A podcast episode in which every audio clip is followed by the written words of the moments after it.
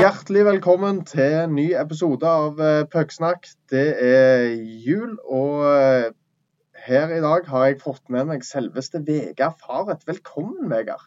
Takk skal du ha. Kjekt å være her. Ja, nå har du jo eh, kommet deg hjem til Stavanger på en liten juleferie. Stemmer. Det ble jo ikke helt som planlagt for deg før jul. Nei, det gjorde det ikke. Vi skulle egentlig spille en kamp til før jeg kom, men uh, fikk en tidlig juleferie. Men jeg, når vi ikke fikk spilt kamp, da, så kjørte jeg en ekstra hard økt, sånn at jeg uh, kunne slappe litt av i jula. Det, det, har jo egentlig vært litt sånn symptomatisk for, for, egentlig hele desember for din del. Du hadde egentlig tenkt å være hjemme i Lørenskog og trene mens det var landslagspause. Sånn ble det jo ikke. Du ble jo kalt inn på landslaget. Hva, hva skjedde egentlig der? Nei, det er et godt spørsmål. Jeg ble jo eh, like sjokkert som de fleste, tror jeg. Altså, jeg hadde jo hørt at eh, de hadde vært og sett litt på kampene mine, fordi jeg hadde prestert litt godt. Men eh, det var ikke mer enn det. Og så, ja, en dag før samlingen skulle skje, da, så fikk jeg en melding fra landslagssjefen om han kunne ta en telefon. Og da sa jeg selvfølgelig ja, så ringte vi jo FaceTime, og så sa han det at eh, han hadde fått et frafall, og da hadde han lyst til å teste meg. Og det var jo det var ikke snakk om å si noe annet enn ja til det. Det er jo en drøm som alle vokser opp med, å spille for landslaget, og representere Norge. Hva, hva gikk gjennom hodet ditt når du fikk telefonen fra landslagssjefen? Jeg tenkte jo uh, Endelig begynner jeg å få litt uh, betalt for det, all jobben jeg har putta inn gjennom alle åra. Altså, jeg har alltid drømt om å få representere Norge. Så at det skulle skje så fort med tanke på sesongen jeg hadde i fjor, det tenkte jeg jo Altså det, det er jo sånn du drømmer om, som du egentlig aldri trodde skulle skje. Så jeg var jo Kan jo si jeg var ekstra glad. Jeg var jo ganske fornøyd etter samtalen. Da jeg sa litt i ekstase. Og så fikk du eh, debuten din. Det var jo eh, kanskje en av de flaueste eh, landskampene i norsk historie. Hvordan var det å tape 9-0 mot Slovakia? Ah, det er pinlig, ja. I hvert fall når du representerer Norge. sant? Altså, det er jo du har, du har jo lyst til å spille for landet, og det er jo flaut når du driter deg ut på internasjonal basis. Men eh, jeg syns det var en eh, god, eh, altså en god opplevelse og en, en lærerik uke. da. Fordi da fikk jeg liksom òg testa meg mot toppen av disse andre land. sant? Altså, Jeg hører jo om spillerne og kaliberet de vi har spilt mot. sant? Og Blant den latviske Rudolf Balcher som du har spilt med tidligere i Stavanger. Hvordan, hvordan, var det å spille mot Rudolf for dem? Eh, jeg syns jo egentlig um, Latvia-kampen det var en av de, de, bedre kampene jeg hadde der. da. Altså I forhold til Slovakia Slovakia så ble vi jo overkjørt. Altså Det var jo ikke i nærheten på noen plass. Men jeg følte kampbildet mot Latvia løy, litt, hvis du ser bare på uh, statsen fra et bildeperspektiv. Sant? For jeg følte jo at det var visse perioder i løpet av kampen der vi styrte. Men uh, vi klarte jo ikke å sette sjansene våre. Jeg, hadde jo, jeg kunne jo lagd en 1-0-kamp jeg fikk jo en stor sjanse på åpen kasse. Pucken kom litt fort, så jeg eh, tenkte OK, vi bare få den rett på mål fordi det var åpen kasse. Og så kom jo keeper med spaken og tok den i siste sekundet. Så den eh, kommer jeg ikke til å glemme med det første. Første landslagsmål ble spolert? Ja, det gjorde det. Det hadde vært sykt kult eh, at jeg som kom fra Lørenskog da hadde satt den. Men det viser jo bare at på de høye nivåene så må du virkelig sette dem. De sjansene du får, må du ta. Så jeg er jo fornøyd med at jeg eh, klarer å komme meg til disse store sjanser, til og med i de kampene. Altså, nå er det jo liksom bare å terpe. fordi når du får sånne sjanser, så er det de små detaljene som steller. sant? Altså, hadde sjansen, dessverre så klarte jeg ikke ta den der. Og jeg kommer til å huske det, og det gir meg bare motivasjon til at uh, det er fortsatt en lang vei å gå, selv om det går bra nå, liksom. Ja, og uh, hvis vi skrur tida litt tilbake Du uh, var jo ikke en som spilte veldig mye opp før du kom opp på U18-nivå. Eh, da fikk du være med litt med U20. Etter hvert så klorte du deg fast på U20, og så reiste du til USA. Der spilte du først juniorhockey før du begynte å spille collegehockey. Og så kom du tilbake til Stavanger. Da var du eh, mest 25 år, stemmer ikke det? Mm, det var, jeg var vel 24. Ble 25 den første sesongen min som ja. proffspiller. Og, og, da fikk du først en tryout-kontrakt med Oilers. Det, det, her var forrige sesong. Eh, Tryout-kontrakten ble forlengelse til en kontrakt ut sesongen. Du ble eh, sendt på utlån til Ringerike og var med og hjalp de å holde plassen i EHL. Eh, og i sommer så sto du lenge uten kontrakt før du signerte for Lørenskog. Nå har du gullhjelmen i Lørenskog og er på landslaget. Hva, hva er det egentlig som har skjedd her? Eh, jeg vil nøys, Jeg tror egentlig bare det alltid har vært der. Jeg måtte bare få det ut. Altså, jeg har jo som sagt jobba mye for det. Jeg har jo fått trent mye på college og lært mye av den amerikanske hockeyen og hatt en god coach. altså Treneren jeg hadde i USA, har spilt i NHL i 16 år og var assistent, assistentkaptein på Detroit Red Wings. Så jeg så jo på han som en mann som har peiling. Og eh, altså kom jeg hjem, og så får jeg òg spille under Todd. Og selv om jeg satt meg på benken, så lærte jeg Jeg vil si at det, det var en blessing og en curse å være på Oilers, fordi at jeg fikk lære meg profflivet fort. Sånn jeg fikk lære hvor tøft det var. Sitte på benken, se kamp, og så etter du har sett kampen på benken, og alle går hjem, så er du alene i styrkerommet. Sånn, Fordi du vet jo at OK, du er i denne situasjonen, men du kan ikke slutte å trene. fordi at du, du vil jo vise at du hører hjemme og det er jo hockey jeg vil spille. Så jeg slutta jo ikke å trene hardt. Og så når jeg fikk det den kontrakten i Lørenskog da, så visste jeg jo liksom altså Nå må du ta sjansen din. Nå kommer du på et lag, du får en sjanse her. Du kommer ikke på utlån, så du er, du er del av stallen de skal bruke. Så har de gitt meg sjansene, da. Og så har jeg bare tatt dem. Og så har jeg bare fått mer og mer tillit, og så begynte det bare å gli. Sant? Og så havner du i en flytsone, og så bygger selvtilliten seg opp sant? fordi at du ser at det, det funker. Og så bare begynte jeg å tro mer på meg sjøl? Så jeg tør å, tør å holde mer i pucken, tør å ta skuddene mine. Tør å prøve litt ekstra, og det viser jo at uh, treningen kommer seg. Altså, du vet når Du trener jo for å gjøre instinktene. Altså terpe, terpe, terpe, sånn at når du jobber på instinkt, så sitter det. Sant? For hvis du tenker for mye, så sitter det ikke. Da blir du tatt på senga. Og så, ja, det bare funka. Men hvis vi skulle litt tilbake til det med trening. Du, eh, du kommer jo fra et eh, hjem på Madla hvor det er veldig mye trening. Dere har jo til og med et eget eh, treningsrom hvor du, faren og broren stort sett brukte hele fritida. Stemmer. Men i Oiler så traff du òg en som du trente veldig mye med, Greg Malden. Ja. Uh, selv om han er 41 år, så er han jo en treningsmaskin. Hva, hva er det du har lært av Greg, egentlig? Han lærte meg mye. Han uh, var jo en av de uh, største støttespillerne jeg hadde. For han, han også så potensialet i meg, sant? fordi at jeg har den der fighterviljen. Så jeg er jo villig til å høre etter på det folk sier, og så prøve å ta til meg. Sant? For du lærer noe av en person, og så må du gjøre det om til ditt. Sant? For du kan ikke bli en robot som bare hører på alt folk sier. Men du får ideer, og så prøver du å implementere de ideene til ditt eget spill. Og Greg lærte meg jo veldig, han sa jo alt, han minte meg alltid på det når jeg var sint etter kamper. liksom, sant? Du, jeg var i samme båt som deg når jeg var yngre. Sant? Dette er en del av gamet. Bare hold deg i det, tren hardt. Og han lærte meg mye om eh, peripheral-trening, og det er jo sånn sidesyntrening for å trene øyne. Da begynte jeg mye med ballkasting, sjonglering, det har jeg alltid gjort før, men nå begynte jeg virkelig å ta det mer seriøst. Og så lærte jeg meg veldig mye om koordinasjonstrening. For jeg har jo hatt eh, fysikken, den lærte jeg av pappa. Han er jo god til å trene, så han uh, bytta meg på vekter tidlig. Og har gitt meg alle ressursene til å prøve å kunne bli en spiller. Sant? Han uh, lagde jo hockeybane hjemme for meg, så jeg kunne stå og skyte, hadde vekterom og lærte meg hvordan jeg måtte spise og alt det der. Og så, da vil jeg si at jeg, jeg, har alltid hatt fysikken, men når jeg da kom til Oilers, så lærte jo Greg meg alltid om altså, koordinasjonstrening og speed. Optimaliserte det til hockey, rett og slett? Ja, nettopp. Sant? Så nå, liksom, nå føler jeg at jeg har fått en mye bedre kombinasjon av både fysikk og agility. Og han lærte meg det med ankeltreninger, for jeg så jo han sto og skippa hele tida på tedene. Han sto og hoppet, hoppet opp, opp, og ned på ett. Akkurat som han sto og løpte i en stille, stillestående. Og det er jo, Da primer du ankelet. Så jeg begynte jo veldig mye med sånn quick feet-trening og da, da, da, da, da, sånn greier. Og jeg fikk jo beskjed av Oilers at jeg måtte jobbe med den eksplosive reaksjonstiden min og quicknessen. Og det er jo akkurat det det går i. For det begynner jo med anklene opp. Hvis du ikke har sterke ankler, så funker jo ikke hjernemusklene sånn som de skal heller. Så jeg eh, brukte jo hele sommeren min på veldig mye agility-trening kombinert med styrketrening. Og jeg føler det virkelig har uh, uppa gamet mitt. Nå føler jeg jeg smeller kjappere i stegene mine. Jeg kan dra av folk med speeden, vendinger, alt det der. Så jeg vil jo si at det, sånn som jeg sa, Oilers var en blessing and curse.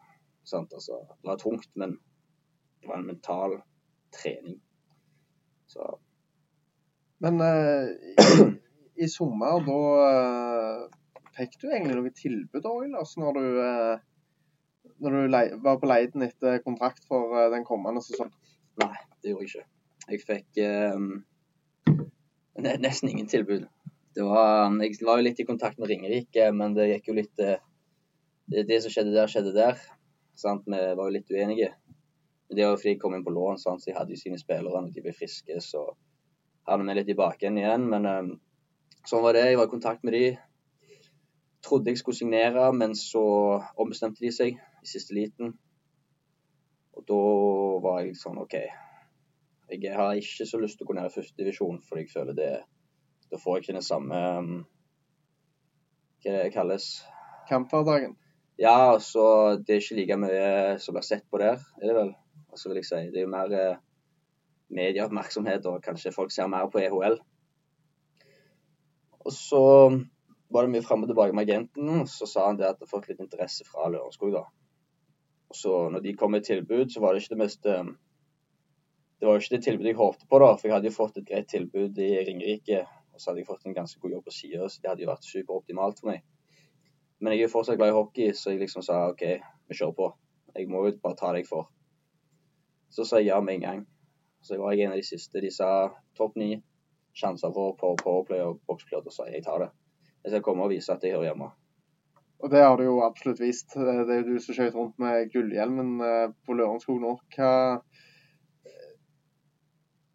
er, altså, er det rett Mener du at det var rett steg og det beste som kunne skjedd deg, eller ville det vært bedre hvis det hadde blitt i Oilers, tror du?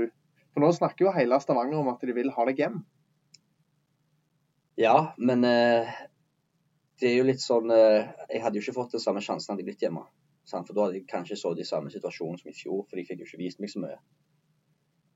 og det er jo det sånn Jeg hører mange liksom snakke om at jeg ikke hadde det beste sesongen i fjor, men eh, hvordan skal du ha en bra sesong hvis du bare sitter på benken? Da får du jo ikke vist seg. Og når du sitter og ser på hockey, så tar det jo litt smell på selvtilliten òg. Så jeg vil jo tro at uh, Lørenskog var jo nå det beste som har skjedd meg. I hvert fall innenfor uh, proffishockey. Men, men, hvor er ambisjonene dine? Altså, når, du kom, uh, når, når, du kom, til Oilers, når du kom tilbake fra USA for litt over et år siden, så var jo ambisjonen din å få en kontrakt i Oilers. Mm. Eh, hva er ambisjonene dine som ishockeyspiller nå? det leve. Det jeg har lyst til å kunne spille ishockey og bare spille ishockey. Sant? Altså, nå jobber jeg jo på sida. Hva gjør du ved siden av? Jeg er assistentlærer og vikarlærer på ungdom og barneskole. Så jeg eh, hjelper litt i klasser. Av og til er jeg vikar, av og til er jeg assistent for uh, folk som trenger ekstra hjelp. Noen ganger for ungdommene og noen ganger for uh, barneskoleelever. Så jeg vil jo si at det, det kan være en gøy jobb, og så kan det òg være en veldig krevende jobb. Fordi det går jo veldig ut på elevenes eh, dagshumør. De ungene der eh, de kan ha en sykt god dag og de kan være fornøyde, og så kommer de neste dag og så er det akkurat som de ikke har fått med seg noen ting av det de lærte dagen før. Sånn. Så, men eh, det passer fint. Jeg får jobbe. Jeg, de, de, ringer meg eller spør meg når jeg kan jobbe, og så kan jeg komme med min plan. Så jeg klarer å sette litt opp med hockeyen, da. Men målet mitt er jo å kunne det er jo, Jeg har jo lyst til å kunne leve av det. Og så ikke bare leve fra paycheck til paycheck, men liksom kunne klare å Kanskje klare å kjøpe meg eh, et sted å bo. sant? Liksom fastslå meg litt òg. Ikke at jeg skal holde meg i plass, for jeg kommer til å spille hockey så lenge jeg kan. Det er livet mitt. Jeg klarer ikke å se for meg noe annet uten det. Men det er jo egentlig, egentlig det du ønsker, det er jo å få primærbehovene dine dekka? Nettopp. Ja, det er godt sagt. Veldig godt sagt. Det er jo det det går i. Og nå så lever jeg jo eh, nå er, nå er det leia og maten. Leie mat. Resten er bare jobb, trening, søvn, spising. Jobb, trening, søvn, spising. Men så mye fysisk trening som du gjør, så medfører vel det òg at du har et ganske høyt matbudsjett. Det er jo Ja. ikke sånn at du bare kan leve på en et kneippbrød i uka. Nei, nei, jeg spiser mye. Altså, når jeg, når jeg bodde hjemme en stund, så sa mor mi det at uh, hun regnet ut hvor mye, hvor mye de brukte på meg i mat. Det var jo rundt 400 kroner dagen bare i mat. Sånn, så si i løpet av ei uke 2500. Er ikke 2000? Eh, fire- 400 ganger 5, 2 2800 kroner Ja, uka. ish, cirka. På helgene så spiser jeg mer, for da har jeg tid til å loade. Så jo, det går mye penger på mat, men det er jo, du må jo behandle kroppen som et tempel. Jeg tror det er det som også har gjort at det går bedre nå. For jeg trodde jeg eh, tok kostholdet veldig seriøst. Det har jeg jo gjort, selvfølgelig. Men du kan ta det til neste nivå og neste nivå. Sant? Du kan bli mer og mer ekstreme. Og Noen kan si at det er for ekstremt, men jeg får jo motivasjon av å gjøre det. Sant? Fordi du føler Når du gjør alt de rette tingene, så føler du deg mer mentalt det er liksom ingenting i bakhodet ditt eller i samvittigheten som kan se at du ikke gjør det rett. Og når du har den safety, altså den Når du har det tankesettet, så er det vanskelig å bryte selvtilliten òg. For til og med hvis det ikke går bra, så vet du at det, du gjør det du kan gjøre rett, og ingenting som Ingenting du har gjort som sier at du ikke gjør det rett. Men hvis du snur litt på det, så er det vel òg med å øke presset ditt. For du, du ofrer jo såpass mye mer òg med å gjøre det på den måten. Ja, men jeg føler det hjelper. Da holder jeg meg sjøl mye mer ansvarlig. Så begynte jeg òg å prøve å snakke ting litt mer eh, eh, Altså når jeg sa ting høyt, så har jeg sagt det høyt, og da må du prøve å stå for det du sier. sant? Så jeg eh, begynte jo å prøve jeg prøver å gjøre litt det òg. Og da føler jeg òg at jeg tror mer på det, fordi at nå har jeg sagt det. Da må jeg gjøre det, for hvis jeg ikke gjør det, så er jeg jo en hykler eller en løgner. sant? Og jeg, jeg kjente at det, det presser jeg litt. Og jeg føler det har hjulpet. Jeg skal gjøre det. Ja, da skal du gjøre det. sant? Setter deg høye mål, sier de høyt og prøver å gå etter de. Ja, nettopp. Jeg er jo ikke så, altså jeg tar jo ikke og skriver ned ting, men jeg eh, prøver å snakke det litt inn til realisme. Det føler jeg hjelper. Er en spennende tilnærming. Eh, Hadde du, eh, hvis du skulle gått tilbake til august, eh, hadde du vært tøff nok i hodet til å si at jeg skal spille på landslaget i løpet av sesongen? Nei, men jeg har jo alltid sagt at en dag skal jeg spille på landslaget. Så det har jo skjedd. Sant? Nå håper jeg jo, nå er jo neste mål liksom å kunne være med på VM. Så får vi se om det skjer i år, eller om det skjer neste år, eller om det ikke skjer. Det vet vi jo ikke. Men jeg tror nok ikke det er siste gang eh, vi skal se meg i landstrakten. Men det må jo være mange klubber som er ute etter deg nå. Hvordan er- opplever du interessen fra andre klubber? Jeg har jo fått tilbud fra de fleste plasser, så vi får jo se. Jeg prøver ikke å tenke så mye på det. Men eh, det er jo kjekt at eh, jeg har fått interesse så tidlig allerede. Altså I fjor så hadde jeg null interesse, og det var liksom rett før sesongen skulle begynne at jeg fant en plass å spille. Nå, nå kan jeg allerede begynne å tenke litt på hvor jeg skal spille, og så prøve å velge litt sjøl. Så det, jeg syns jo det er gøy. Men eh, så er det jo som sagt det jeg prøver ikke å se for langt fram heller, for da glemmer du store bilder. Det er jo den hverdagen jeg fortsatt holder på med. Den slutter jo ikke selv om jeg har eh, nye klubber. Altså, når du kommer høyere opp, så blir hverdagen tøffere. Så det er jo liksom det å forberede meg sånn at eh, jeg ikke får en sånn smell i ansiktet. Men du ser situasjonen i Stavanger nå. Folk snakker jo om at eh, Oilers bør hente deg og signere deg til Oilers. Eh, skadesituasjonen. Kristoffer Karlsen ute, André Bjelland Strandborg ute, Tommy Kristiansen ute, Martin Grane ute. Eh, kommer du til å komme tilbake til Oilers denne sesongen? Det tviler jeg på. Jeg tror ikke jeg hadde klart å leve med meg sjøl og stikke fra skauen. Altså, det er det vi kaller Lørenskog. Skauen er jo supportergruppa vår. sant? Det er så skauen, så jeg liker å kalle det skauen. Men um, jeg tviler litt på det, fordi at de ga meg, eh, de ga meg sjansen. Når Oilers ikke hadde troen på deg? Ja, sant? De ga meg sjansen og var villige til å tro på meg. Så nå har jo jeg lyst til å Jeg skal i hvert fall fullføre sesongen min der og hjelpe dem å holde seg der.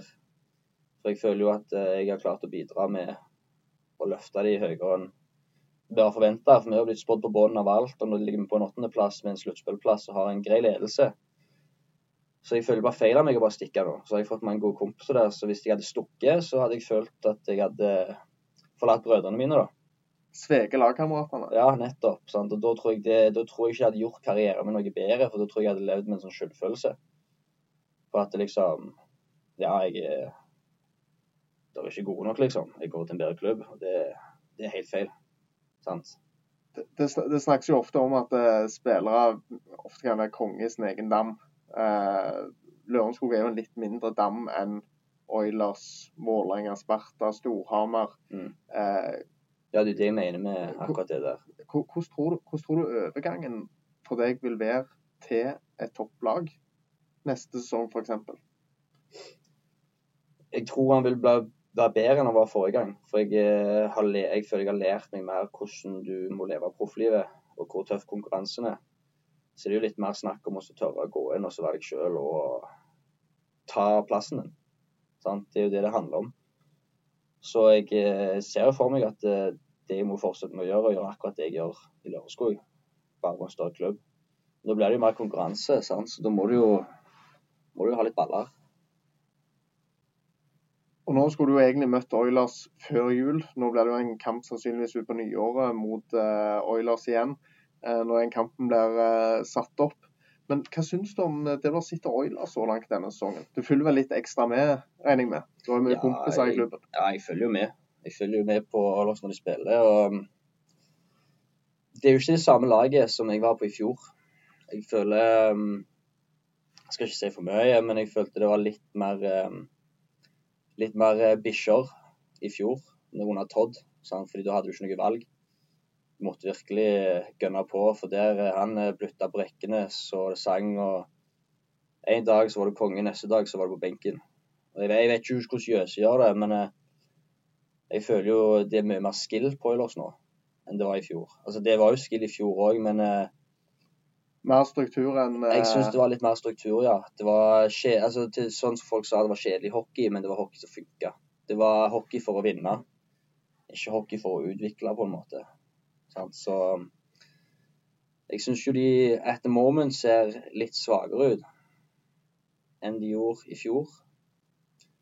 Men eh, det er jo Oilers, sant? og de har jo ressursene til å hente det som trengs for oss å snu det òg.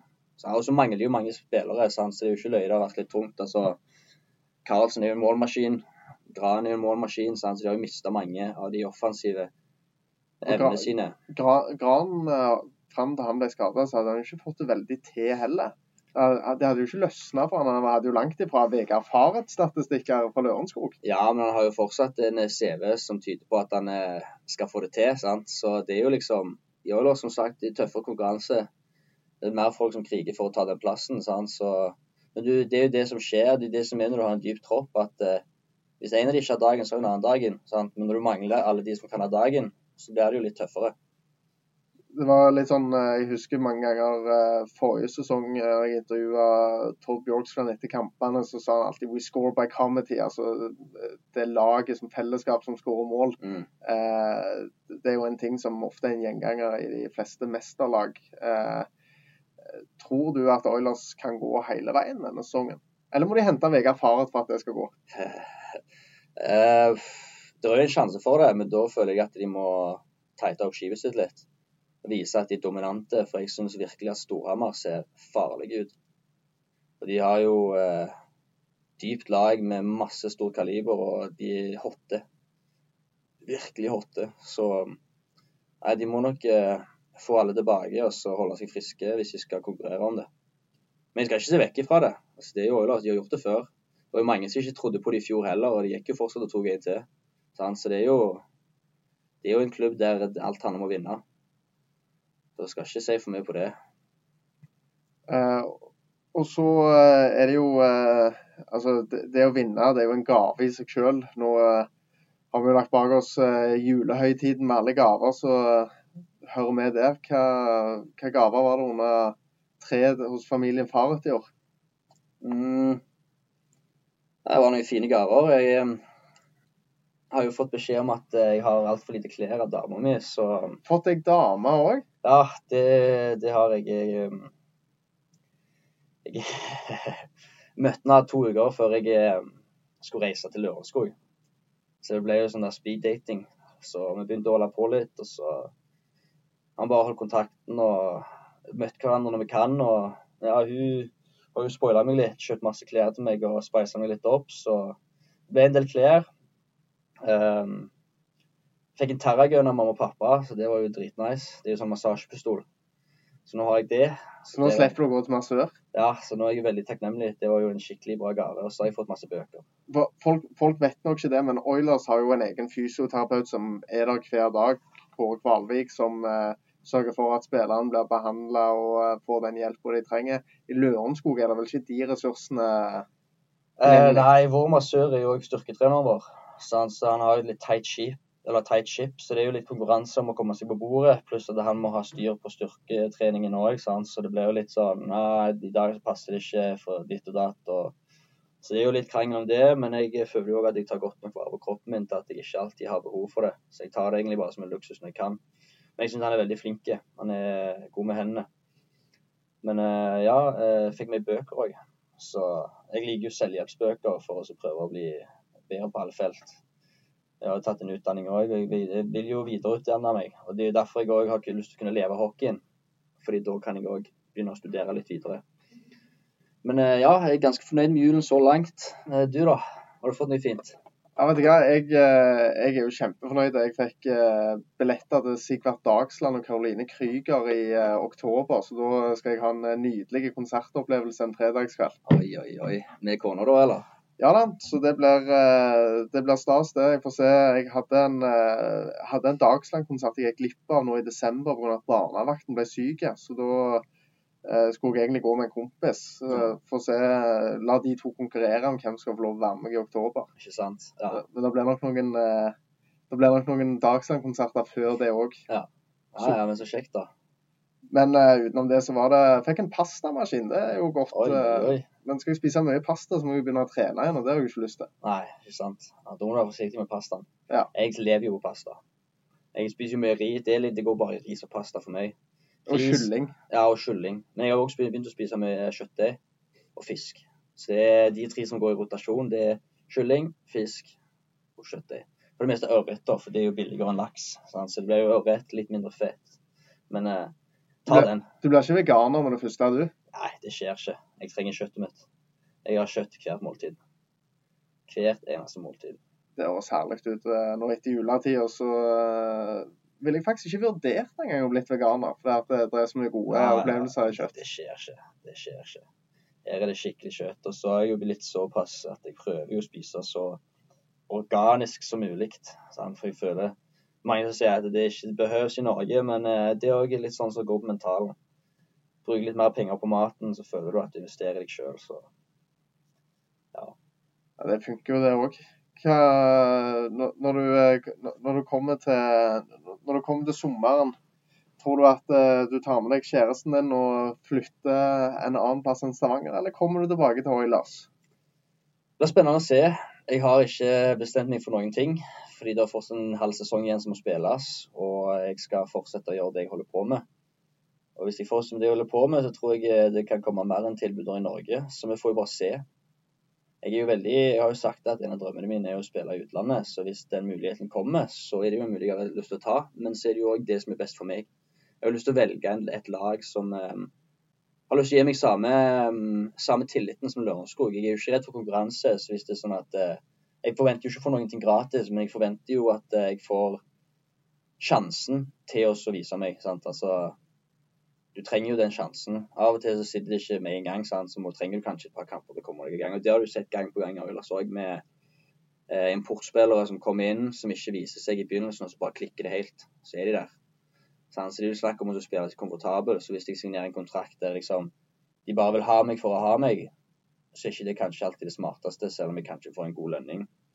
Så jeg vil jo til en klubb som vil ha meg for de trenger meg, og ikke motsatt. Du skal prøve å se litt inn i eh, glasskula på hva som skjer uh, framover. Nå eh, ligger dere på åttendeplass. Det ser ut til dere skal til sluttspill. Eh, Oilers er på tredje, men de ønsker seg jo naturligvis opp på førsteplass. Det kan være at du møter Oilers i første runde av sluttspillet. Hvordan hadde det vært? Det hadde vært kjekt. Det er, det er uten tvil en tøff, eh, motstander. Altså, de på toppen av tabellen i norsk ishockey er utrolig bra lag. Det er det som skiller litt i norsk ishockey. sant? Altså, Skillen mellom toppen og bånn er litt stor. Men eh, jeg ser jo for meg at eh, når du spiller i skauen, så har du din fordel. For det er jo ikke den eh, beste hallen å være bortelag i. Og Det er det jeg, det er det jeg ser på som en fordel med å være i Lørenskog. Når du kommer fra så gode fasiliteter som topplagene har, og så kommer du til En dritthall. en dritthall, basically, sant? så er det veldig tungt. Og så vet de òg at de skal spille mot et lag som de egentlig skal kjøre over. Da er det ekstra vanskelig å motivere seg, pluss at vi, som da er et båndlag, vi spiller jo hver kamp som om det er liv og død. Så om vi tar en eller to, det, du vet aldri. Jeg føler vi virkelig har våkna i skauen. Vi tok nettopp Lillehammer òg. Dere har jo tatt Storhamar òg. Det er jo ikke gitt at de vil velge dere. Nei, det er jo det. Det var jo en liten fluk det der tidlig i sesongen. Ikke helt satt spillet sitt, men vi tok det jo. Og jeg tror vi hadde over 40 blokka skudd. Og de hadde vel 60 skudd på mål pluss, så det er, vi snakker om 100 pluss skudd her. Men eh, så hadde vi jo kamp to mot de da. Da så kjentes det ut som da kom de for å vise at eh, her nå, dette her var en fluk. Vi er altfor gode til oss å bli mobba for at vi tapte mot dere, så her smak på denne. Og så tok vi oss var det 10 10-1, 10-2? Et eller annet sånn galne score. Nei, jeg tror vi holdt oss unna tosifra. Jeg er litt usikker. Men eh, nei, det gjorde vi ikke. Da ble jo overkjørt. Ja, det, det er liksom det er sant. Du vil bare glemme det. Det er jo sånn Du vil bare gjemme deg på benken. Komme deg vekk. Så, det er pinlig. Apropos pinlig, jeg gikk på en pinlig opplevelse utenfor Lørenskog ishall, på den McDonald'sen rett ned i veien der. Eh, For en del år siden, det var sikkert i 2012, da hadde jeg en pendlerleilighet i Moss, og så var jeg innom der og skulle bestille cheeseburger. Så kjørte jeg gjennom på eh, McDrive og ga beskjed jeg skal ha tre plain cheese. Men jeg tenkte meg jo ikke om at jeg var på Østlandet. Så jeg fikk jo ti plaine cheeseburgere. Ai, ai, ai. Måtte betale for alle òg? Måtte betale for alle. Hadde med meg, så jeg spiste jo cheeseburger både til kvelds og frokost dagen etter. Det Nei, ja, men god kvelds og god frokost, da. ja, men fra nå av så er det så jeg tre når jeg er på Østlandet. Ja, det er smart. Det er smart. Jeg det, folk sliter med å forstå meg. Jeg snakker litt fort av og til òg, så er det sånn Hæ? Ja, så repeterer jeg meg tre ganger. Og så er det sånn Jeg fatter ikke hva du sier, ass. Og det er sånn, ja, Drit i. Det er ikke så jævla viktig. Ja, men du skal slå over til engelsk. Jeg har bodd ganske mange år i USA. Det hender jo at det skjer òg. Jeg, jeg tar meg jo fortsatt litt i å snakke litt engelsk-norsk. Det er jo visse ord jeg eh, glemmer ut, så kommer de på engelsk. Men det får bare være. Jeg vil ikke miste engelsken heller, fordi det er jo greit å ha flere språk. Det viktigste er vel at spillet spill med puck sitter. Ja, det er jo det. Det er det jeg prøver å jobbe med, så Tusen takk for at du eh, tok deg tid til å eh, komme innom her i Pucksnakk, Vegard. det var kjekt å få være med. Alltid. Så får du ha lykke til med resten av sesongen. Tusen takk, du. Og vi takker for oss. Tusen takk.